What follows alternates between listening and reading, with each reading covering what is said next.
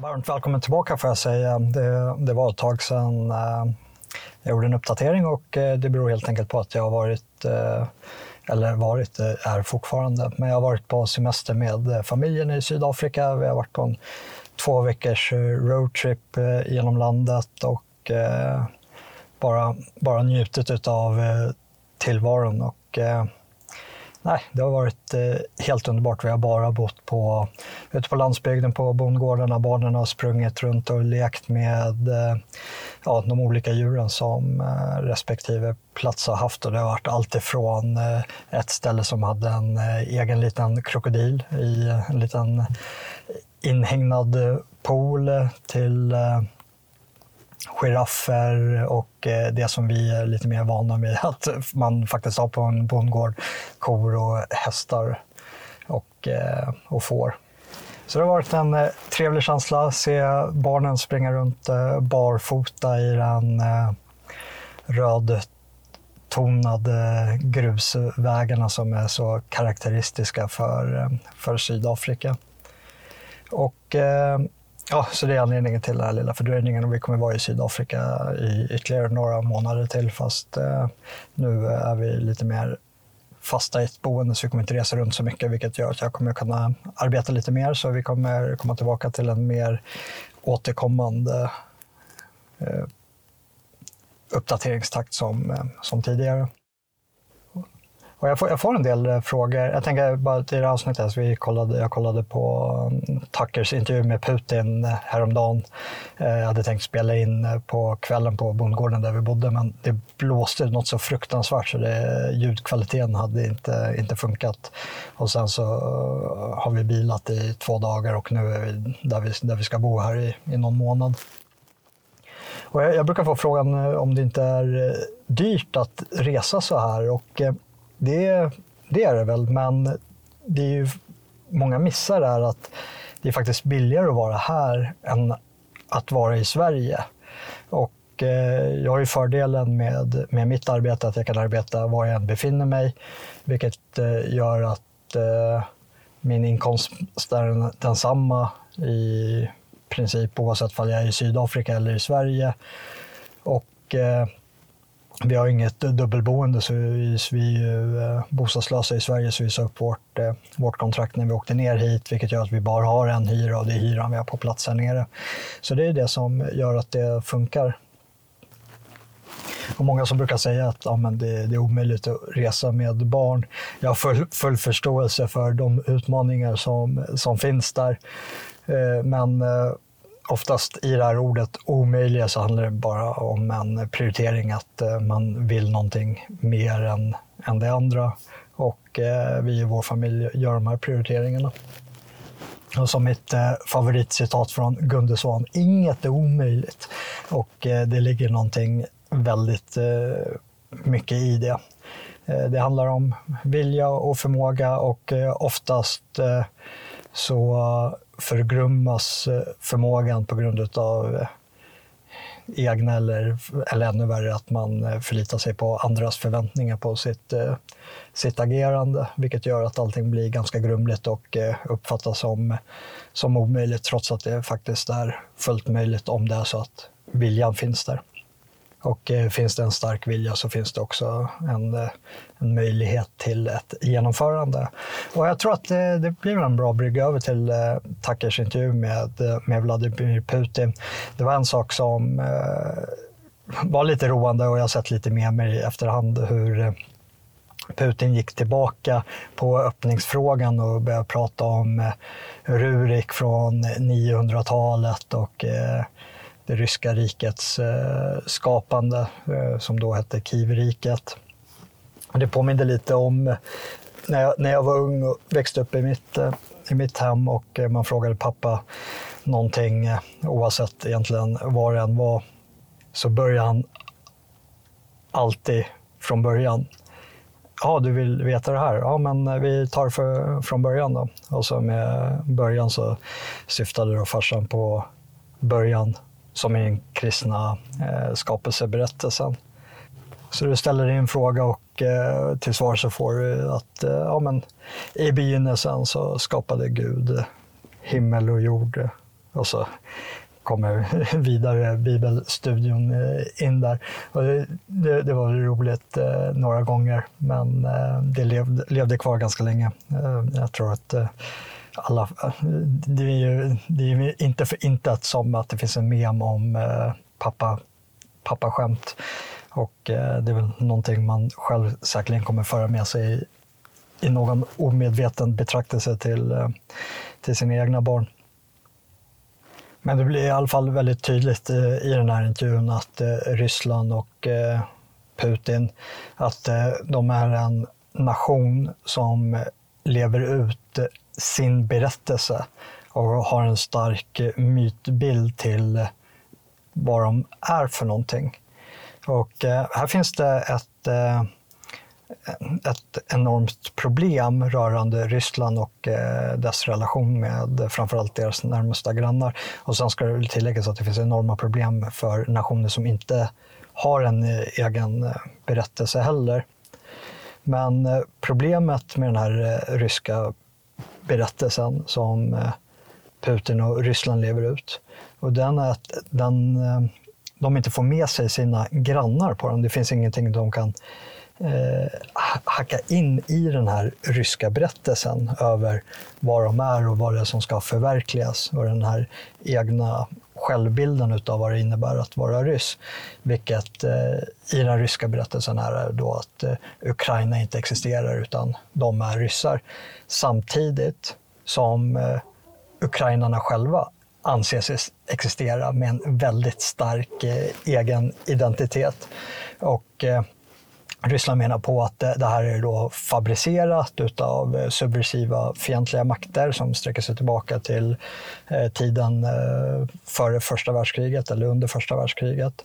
Och han har inte fel i sak där. Han säger att det var polackerna som underblåste det för att stärka sin egen position gentemot ryssarna. Men det var nog snarare så att det var Wilhelm II från Tyskland som eh, verkligen eh, underblåste det här. Och, eh, de var i krig med Ryssland och, och även fast det inte är krig så arbetar stormakter med subversiva krafter mot vad de uppfattar som fientliga stater. Och det behöver inte ens vara fientliga stater, det kan vara eh, stater som inte är vänligt inställda mot den egna staten. Och även sådana stater kan även ha en stormakt som är inne och eh, kontrollerar eh, interna angelägenheter, till exempel Ryssland gentemot Vitryssland. Men eh, om vi gör den här historiska dykningen som eh, Putin gjorde så var tyskarna med och eh, underblåste bolsjevikerna. Det var tyska, tack, tack vare, eller på grund utav eh, tyskarna och eh, den subversiva Eh, verksamhet som de bedrev mot tsardömet som eh, Sovjetunionen kunde skapas med Lenin i spetsen. Och eh, det tyska motivet till det var att eh, de ville inte utkämpa det här tvåfrontskriget och eh, kunde de få till ett regimskifte i Ryssland så skulle de kunna allokera alla sina resurser gentemot fransmännen och engelsmännen på västfronten. Och i det här arbetet med att underblåsa subversiv verksam, eh, den subversiva verksamheten i eh, Ryssland så var det också att, eh, och det här låg också väldigt starkt i tidsandan med etnonationalism, att var folk ska ha sin egen nation och det var också utfallet av första världskriget att många av de här mångkulturella imperierna luckrades upp och det blev enskilda folkstater. Och ett folk som bedrev den här kampen var ukrainarna eh, som då fick stöd av Vilhelm eh, Wilhelm II. Och oftast när man kollar på den här konflikten av idag mellan ukrainare och ryssar så brukar den sträcka sig tillbaka till andra världskriget eh, då Bandera, motståndsrörelsen som stred med tyskarna gentemot ryssarna. Och det är egentligen en omvänd ordning för det primära var att de stred mot ryssarna och den oberoende variabeln var att det var det nationalsocialistiska Tyskland som de stred med. Eh, på samma sätt som de stred med det imperiska kejsardömet Tyskland under Wilhelm II under första världskriget mot eh, eh ryssarna.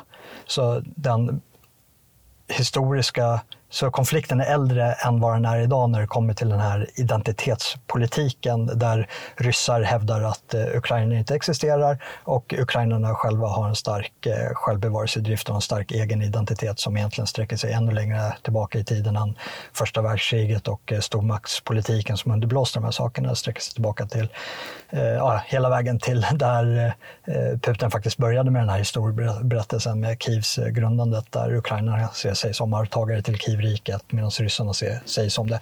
Och där någonstans så har väl de flätats ifrån varandra i två olika förgreningar.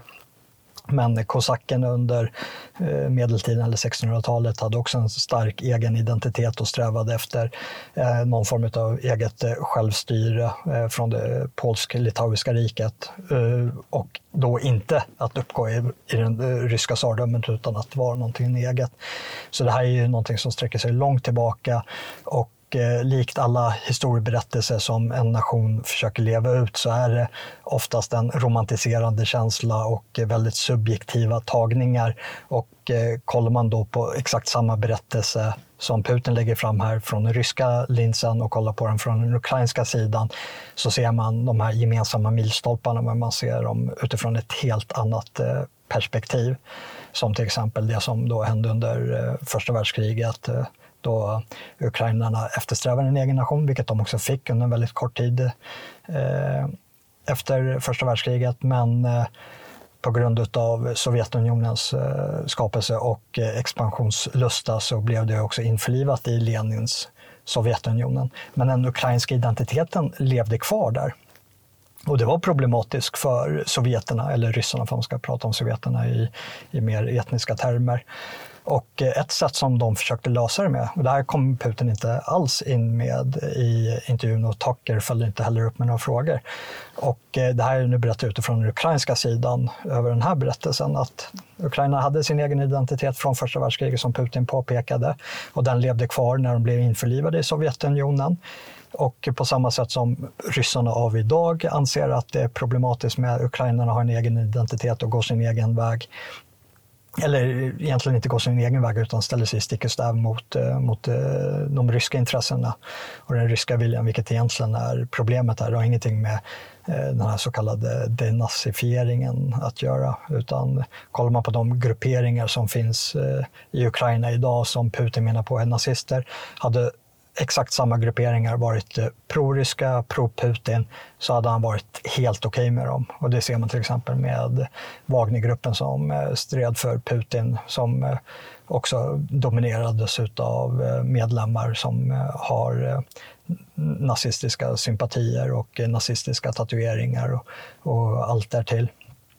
Så när man läser det här med denazifieringen så tror jag man kan få in två saker. Dels så ska man läsa in det som Eh, att det är grupperingar som är antiryska samtidigt som man lever ut eh, berättelsen, en eh, förlängning från andra världskriget som är det här stora fosterländska kriget för ryssarna där vi enar oss mot ett, de eh, fascisterna och nazisterna och vi har besegrat dem förut och vi kan besegra dem igen. Det, blir en, som en symbolpolitik över att man ska samlas under den egna fanan och besegra en fiende som man tidigare har besegrat.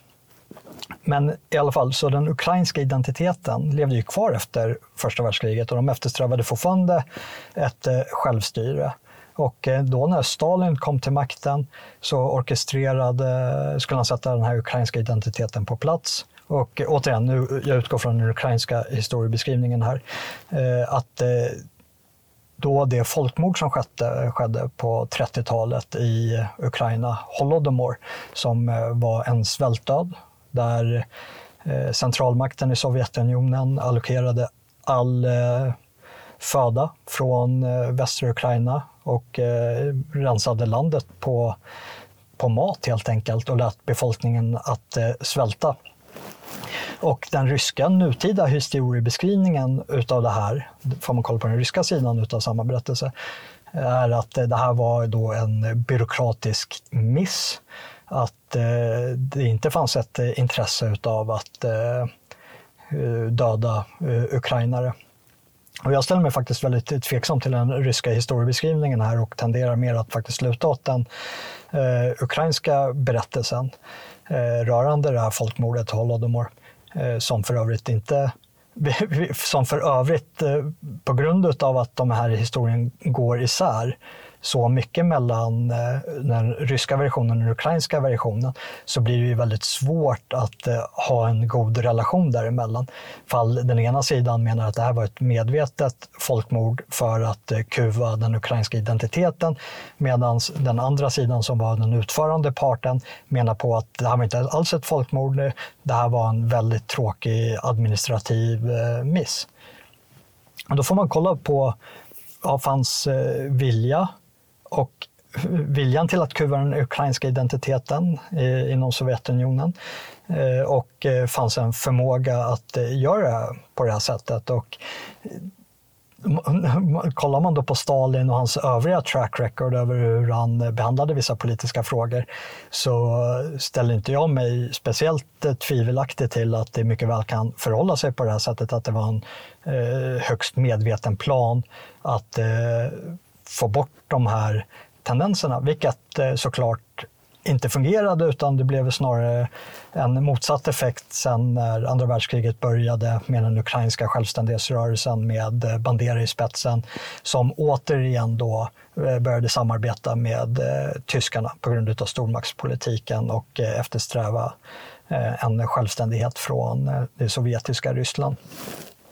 Och eh, fortsätter man på det här spåret så blir också då även då NATO och EU blir den oberoende variabeln utan den eh, gemensamma nämnaren över det här eh, över, vad blir det, över sekellånga konflikten, för man ska dra det från första världskriget, är just att den ukrainska identiteten är väldigt starkt levande i Ukraina och eh, jag var själv på Euromaidan när det eh, begav sig och eh, arbetade som, eh, som journalist. Och ja, jag måste säga att eh, den eh, ukrainska identiteten är högst levande. Och det var lite överraskande för mig som, som svensk att få den betraktelsen. Och det var faktiskt inte första gången. Jag, jag tjänstgjorde en kort stund i Främlingslegionen och eh, där, hade, där är det många östeuropeer. Eh, och det var, vi hade några ukrainare i plutonen och eh, några ryssar. Och en av de här ukrainarna var en, eh, blev, blev en god vän till mig. Och han var väldigt noga med att påpeka att han och eh, det här ryska befälet som vi hade, att de inte var samma sak. Utan, eh, och eh, det var lite överraskande för mig, för jag gjorde ju som svensk ingen särskillnad mellan eh, ukrainare eller, eller ryssar heller för den delen. Och eh, om man då köper den här gemensamma historiebildningen från Rurik och Kivriket där eh, Eh, det som eh, föregick Ryssland och alla som var en del av Kivriket är ryssar, alltså både ukrainare och, eh, och ryssar. Så kan man fortfarande inte ur tomma intet skapa de här nationalistiska myterna. Det finns en, helt klart en gräns för hur mycket en etnisk identitet kan formas om och eh, huruvida det sker i organisk form eller om det är eh, intellektuella som på ett eh, uppifrån nedsatt försöker omforma eller dölja eller framhöja sin grupps förflutna för att påverka realpolitiken utav idag. Och där kan man ju kolla på till exempel ja, men nordisk historia. Hade, vi haft, eh, hade Kalmarunionen överlevt så hade kanske eh, de nordiska folken mer betraktats som ett faktiskt folk eh, och med ett språk. Mycket av det som skiljer svenskan och norskan åt är inte bara dialekten av att vi uttalar orden lite olika utan det är ju vissa, även samma ord har lite olika stavningar och med hjälp av en centralmakt eh, som går in med ja, Svenska Akademins ordlista, att det är den här stavningen som gäller. Så hade vi kanske inte betraktat eh, oss i någon större skillnad på samma sätt som att vi idag inte betraktar eh, skåningar och stockholmare som eh, primärt skåningar och upplänningar utan vi, vi är svenskar. Och på samma sätt så hade det kanske varit med ukrainare och ryssar om de hade lyckats sammanhålla det här riket. Men ukrainare har ju befunnit sig utanför det ryska imperiet under större delen av tiden. Även fast de inte haft en egen nation eh, så har de varit en minoritet eh, under andra länders eh, stövel, Österrike, Ungern eller polska, litauiska riket. Och eh, en väldigt liten del av historien så har de varit eh, inkorporerade in i det, i det ryska. Vilket har gjort då att de likt eh, svenska, norskan och danskan har ett annat talspråk som är nära besläktat med ryskan och de har, skriver orden på, på ett annat sätt också, har egna stavningar. Och någonstans längs den här resan så utvecklas ju också en starkare, en egen identitet. Och eh, det jag upplever att Putin gör med den här historiebeskrivningen i, eh, i intervjun med Tucker Carlson är att uh, han försöker konstruera den här uh, myten av den gemensamma historien. Uh, kanske att man kan formulera det som en nationalistisk politisk överideologi. Men problemet är att ukrainarna inte hakar in i det. Och det här förstärks ju ytterligare av de här, ja, men, här sekelslånga kriget eh, med, eh, kanske man ska betrakta det som ett 120 år krig från första världskriget, andra världskriget. Eh, motståndsrörelsen i Ukraina fortsatte in på 50-talet efter andra världskriget, så det eh, bara för att det blev fred med tyskarnas kapitulation så betyder det inte att det upphörde konflikten i, i Ukrainaområdet. Så den fortsatte in på 50-talet och pågår nu än idag och man kan nästan se eh, tidsperioden mellan eh, första världskriget och andra världskriget från upp till 57 eh, och sen upp till början på 2000-talet som olika vilopauser där den ryska utrikespolitiken inte har lyckats brygga över den konflikten som finns med den ukrainska identiteten.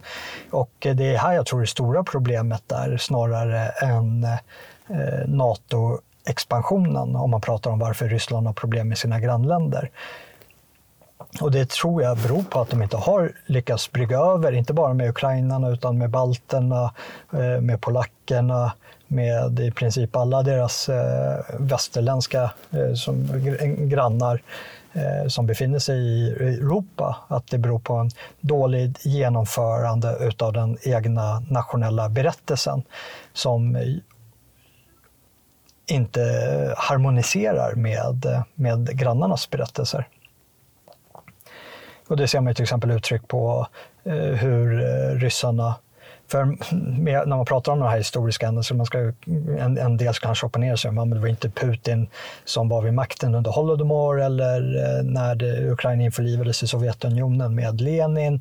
Eh, och eh, så vidare. Men det Putin gör är att han tar i historien som ett rättfärdigande till dagens problem och därför kan vi också blicka tillbaka på historien och se ja, men vad ligger i historien för att se till varför de har problem idag. Och det vi också kan betrakta är hur Putin förhåller sig till den här historien. Och det är att eh, ryssarna, var, ryssarna varje år firar Victory Day, eh, segerdagen, eh, då då, eh, enligt den egna ryska, ryska berättelsen, de eh, kom in och befriade hela Östeuropa samtidigt som hela Östeuropa eh, ser sig själva att de kom in i ett eh, decennier långt förtryck och i vissa länder ännu, ännu längre så för att det sträcker sig även innan andra världskriget. Och det är två berättelser som går Eh, som är ett extremt motsatsförhållande. Att ja, men var de ryska trupperna eh, frihetstrupper för Östeuropa eller var det en ny tyrannisk våg som svepte in? Och eh, Östeuropeerna såg en tyrannisk våg och ryssarna såg sig själva som eh, frigörare. Och eh, den berättelsen är levande i, i Ukraina också. Samtidigt som du också har det här lagret av eh, schismen med folkmordet i Holodomor. Och man kan väl nästan göra jämförelsen där med, eh, eh, med andra folkmord eh, där den utsatta parten ska förväntas samarbeta med förövaren som inte medger att det ens har hänt och att inte ens att det folket existerar. Vilket då den här ryska historiebeskrivningen gör gällande. Och det är ju milt sagt eh, problematiskt. Och eh, det Putin sa också i den här intervjun är att ja, men det, är, det är okej att eh, ukrainarna får ha sin egen identitet. Men vad som inte är okej är att de är nazister och det är därför vi går in med den här eh, denazifieringspolicyn. Och eh, kollar vi på historien där så är ju konflikten äldre än eh, nazismen i Tyskland just på grund av att eh, enligt Putin själv att den tog sig början under första världskriget med de stormaktspolitiken som under, underblåste den här ukrainska identiteten för att eh, eh försvaga det ryska etablissemanget. Och det är också ganska intressant att eh, efter Euromaidan så rev eh, ukrainarna ner alla Lenins statyer Eh, vilket eh, Putin, eh, han, han, nämnde ingenting om just det, men han problematiserade att eh, de hade de här Bandera-statyerna, eh, frihetskämpen då från, eh, från andra världskriget som samarbetade med tyskarna. Och det, det ska tilläggas att eh, det begicks en hel del illdåd mot eh, eh bland annat polacker från, från Banderas och eh, hans soldater också. Eh, men det, det har liksom inte riktigt till den här, den här berättelsen. Så jag säger definitivt inte att det finns en god sida och en ond sida, utan jag försöker bara redogöra för, för historiska skeenden som har föranlett att det finns två olika berättelser här som inte synkar. Och det gäller ju att man ska synka ihop med eh, en antagonist, eh, om man nu vill vara en kulturell entreprenör eller eh, konstruktivist, så måste man kunna koppla ihop de här berättelserna så att de börjar andas i, i samtakt. Och eh, det gör inte ryssarna, ryssarna utan de kommer med sin berättelse och eh, försöker dominera mellan. Och samtidigt som man då rev de här Lenin-statyerna i, i Kiev så tog separatisterna i östra Ukraina och hissade Sovjetflaggan och eh, Eh, anspelade på den nostalgin. Så det finns ju en enorm schism här över hur de här sakerna ska betraktas och eh, där eh, ideologi och eh, identitet eh, smälter samman här. Så det jag tar med mig från eh, Putins eh, framställan är att eh, det domineras av en, eh, en tolkning av historiska skeenden för att eh, rättfärdiga realpolitiken av, av idag. Och eh, det här är ju ingenting som är direkt ovanligt och det man kan göra är att man eh, lämnar den kontexten och för in det i en annan för att lättare se det mönstret som uppstår Dels är det ju en sak, eh, primärt en sak som framkommer när eh, en nation lever ut de här berättelserna och det är att det finns ett tydligt eget lag som historien kan bygga kring och eh, som eh, tar sin styrka från historiska skeenden. Men de den faktiska historien spelar mindre roll för det, här, det är ett lag som spelar för att vinna och då kommer också historien att eh, Eh, justeras och ramas in så att det blir gynnsamt för, för det egna laget. Och jag tror att en bra tidsepok att kika på eh, för att förstå Ryssland av idag är eh, faktiskt eh, 1800-talet. Och eh, det, det, var en tid då vi, eh, våra nationer levde mer utifrån egna berättelser för att eh, och romantisera det egna. Och då, jag tycker eh, det här exemplet eh, passar in ganska bra som en parallell struktur som kanske hjälper till att förstå hur jag tänker när eh, jag har betraktat eh, Putins framställan. Och det var idén om ett enat Tyskland. Tyskland bestod av massa små stater samtidigt som eh, de andra stora spelarna i Europa, jag vet inte om Ryssland riktigt kunde räknas in som det under 1800-talets Europa, men i, i någon utsträckning. Men eh, Frankrike och England Så den tyska nationalsången Tyskland eh, framför allt handlar ju inte om en, som i den svarta propagandan kan framstå som att Tyskland ska dominera andra, utan det handlar om att Eh, om ett enat Tyskland. Ett enat Tyskland, Tyskland är viktigare än någonting annat. Och då den tyska historien sträcker sig tillbaka med eh, olika former av furstendömen och eh, vi har inte sett ett eh, enat Tyskland förrän eh, mitten på eller slutet på 1800-talet.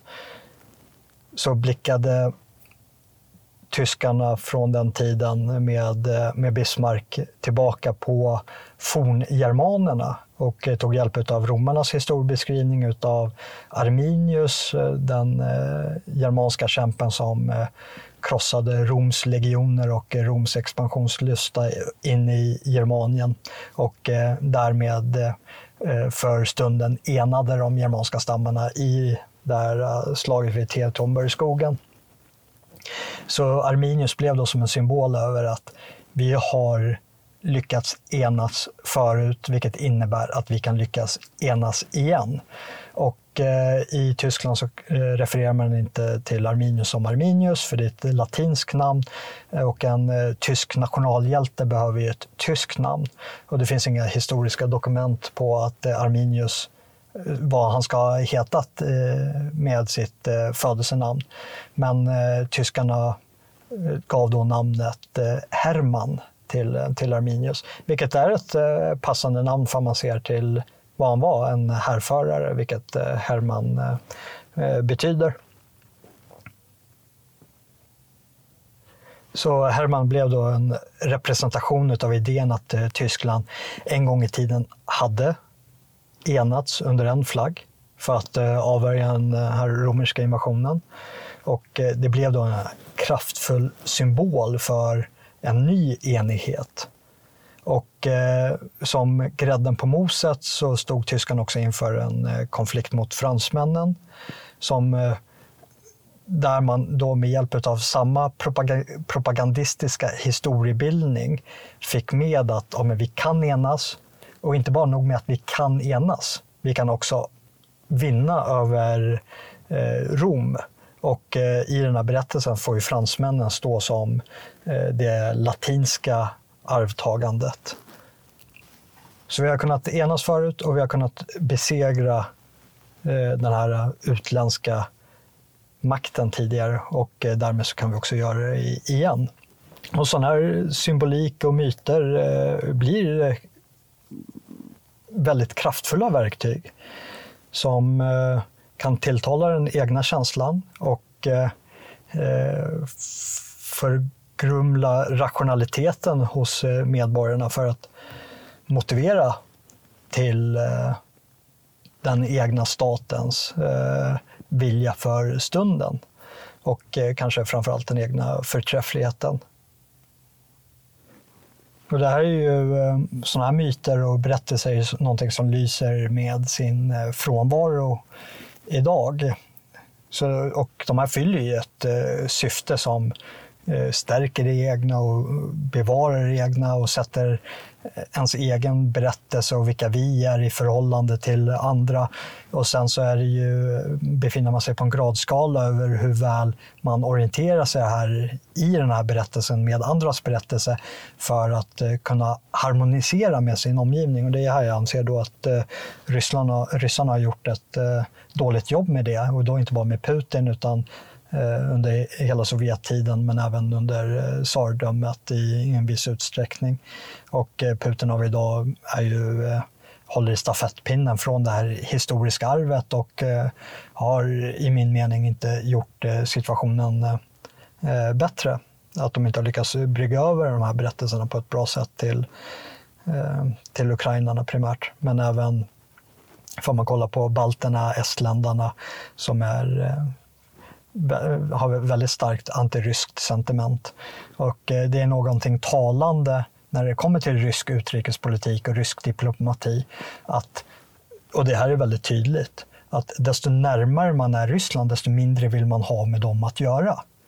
Så de flesta som eh, pratar eh, väl om ryssarna och tycker att man ska samarbeta med ryssarna och och eh, ha en god relation med ryssarna är de som befinner sig på ett behagligt geografiskt avstånd från ryssarna. Men eh, de här myterna och berättelserna är viktiga och jag tror att det är också till stor del varför Sverige och västvärlden har enorma problem idag. Och det är att vi saknar eh, positiva mytbildningar om vilka vi är och som kan eh, överföra värderingar över generationsgränserna. Det finns eh, en känsla av ett bevarande utav den kulturella identiteten, eh, den etniska identiteten som man för vidare. Och eh, utan, utan den här stafettpinnen så står man ganska vackligt och eh, det har inte alltid varit så här. Tar man till exempel, de lyfter det i eh, den här dokumentärserien på SVT, även fast den kanske inte ramades in på det här sättet. Men eh, såväl eh,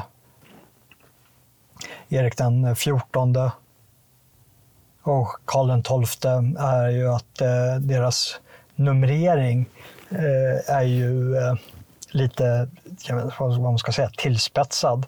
Att det såg finare ut. Sverige såg ut som en äldre nation om vi hade lite högre siffror på våra kungar. Så då plockade man fram historieböckerna och så hittade man några vikingahövdingar som då hette Erik och så placerade man in dem i den nummerföljden vilket gör att man kunde presentera sig som det, Erik den 14 istället för vad som kanske hade varit mer rimligt då, Erik den eh, första.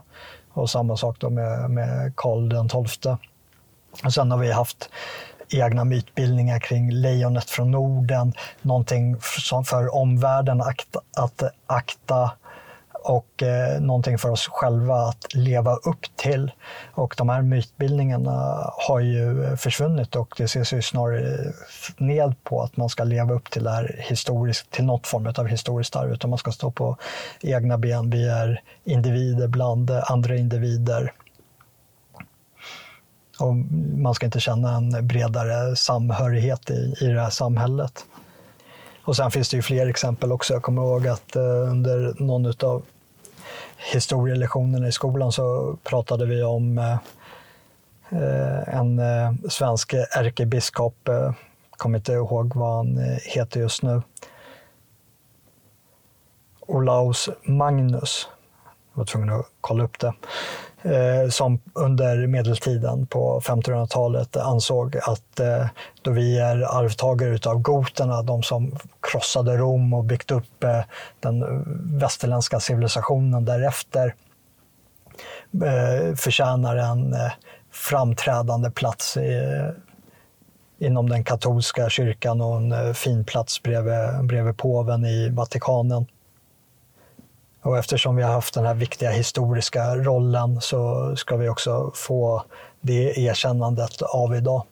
Och eh, det kan vara sympatiskt med sådana här berättelser, men det är också att eh, likt eh, ibland med den ryska berättelsen, att så även sådana här berättelser kan bli lite skadliga för att eh, det kan ske på bekostnad av någon annan. Alltså utav realpolitiska maktförhållanden, till exempel fall en part anser sig ha historisk rätt till någonting annat som inte direkt synkar med hur verkligheten av idag ser ut, så kan det bli väldigt skevt. Och kollar vi på de västerländska berättelserna som dominerar västerlandet idag, så är inte det direkt några konstruktiva berättelser av eh, olika former av offermentalitet och en annan sån här eh, berättelse som lever i, inte bara i USA, det som lever i USA får ju även rinna över på oss. Men betraktelsen till exempel till, som det amerikanska inbördeskriget, att det var ett krig som handlade om eh, eh primärt eh, slaveriet eh, medans eh, om man kollar på andra perspektiv så handlar det mer om att Eh, Eh, ett bevarande utav eh, federationen. Att eh, Lincoln och nordstaterna inte vill hamna i en situation som det var i Europa med massa olika småstater som var i konstanta krig med varandra. Så det var viktigare att hålla federationen enad än att man, den luckrades upp i enskilda stater oavsett om de enskilda staterna hade förbjudit slaveriet eller inte. Vilket eh, Lincoln själv sa under det här brinnande kriget att eh, det spelar ingen roll om de eh, gör slaveriet olagligt eller inte. Vi kommer fortsätta det här kriget och hålla samman federationen.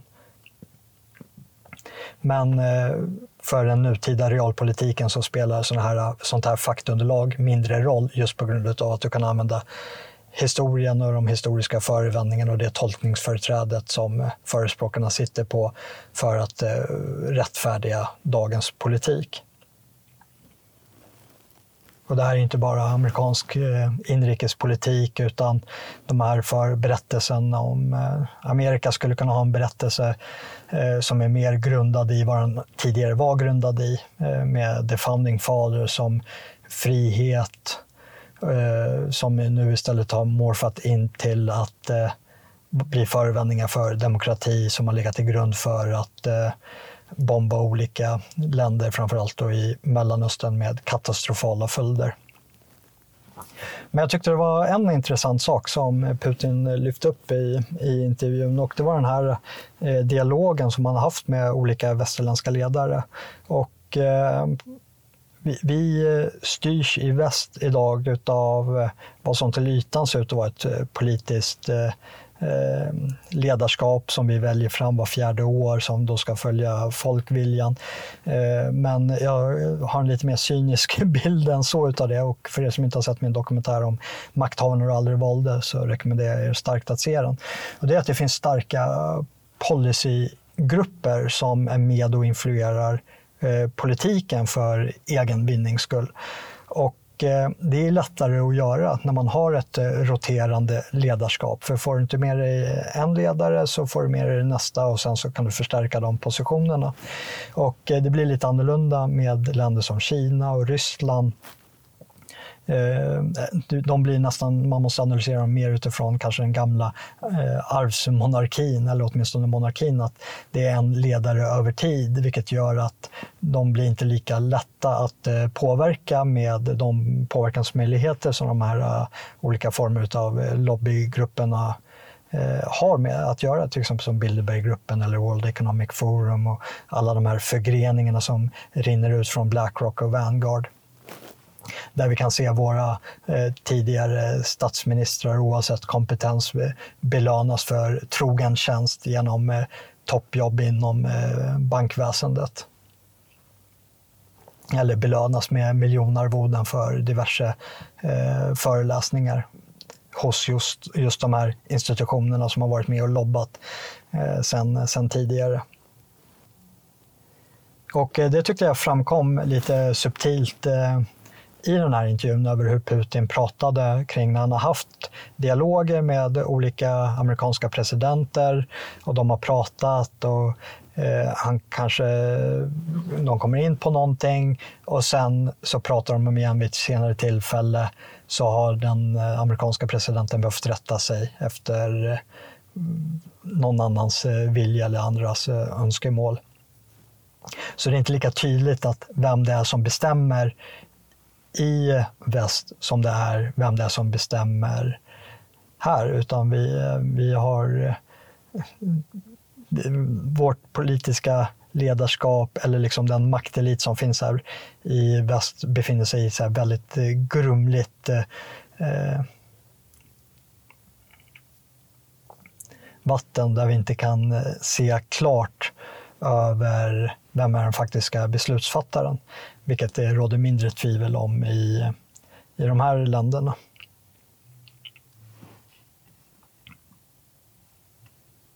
Och eh, ja, men det var det jag tog med mig från den här intervjun och eh, ska man sammanfatta det så tror jag att den ryska självbilden från andra världskriget med att det var Sovjetunionens stora fosterländska krig där eh, ryssarna själva var de stora hjältarna. Och eh, de lever kvar i den berättelsen samtidigt som alla deras grannländer anser att de var de stora förtryckarna som de behövde uthärda i årtionden efter. Och eh, jag tror att det är här mycket utav eh, vad Ryssland skulle kunna arbeta med för att faktiskt kunna närma sig sina grannar till att grannarna skulle vilja ha med, eh, med Ryssland att göra. Att eh, de likt Putin, att de vänder sig till historien men kanske gör en annan historisk läsning än vad den som Putin la fram till, till Tacke Karlsson. Och eh, med det tackar jag för mig och eh, om ni uppskattar de här poddarna, vilket eh, jag antar att ni gör i och med att ni har lyssnat hela vägen hit, så får ni jättegärna vara med och bidra till produktionerna. Det kan ni antingen göra via Swish, Swish-numret finns i beskrivningen här under, eller att bli prenumerant på jonasnilsson.substack.com och så hörs vi till nästa avsnitt.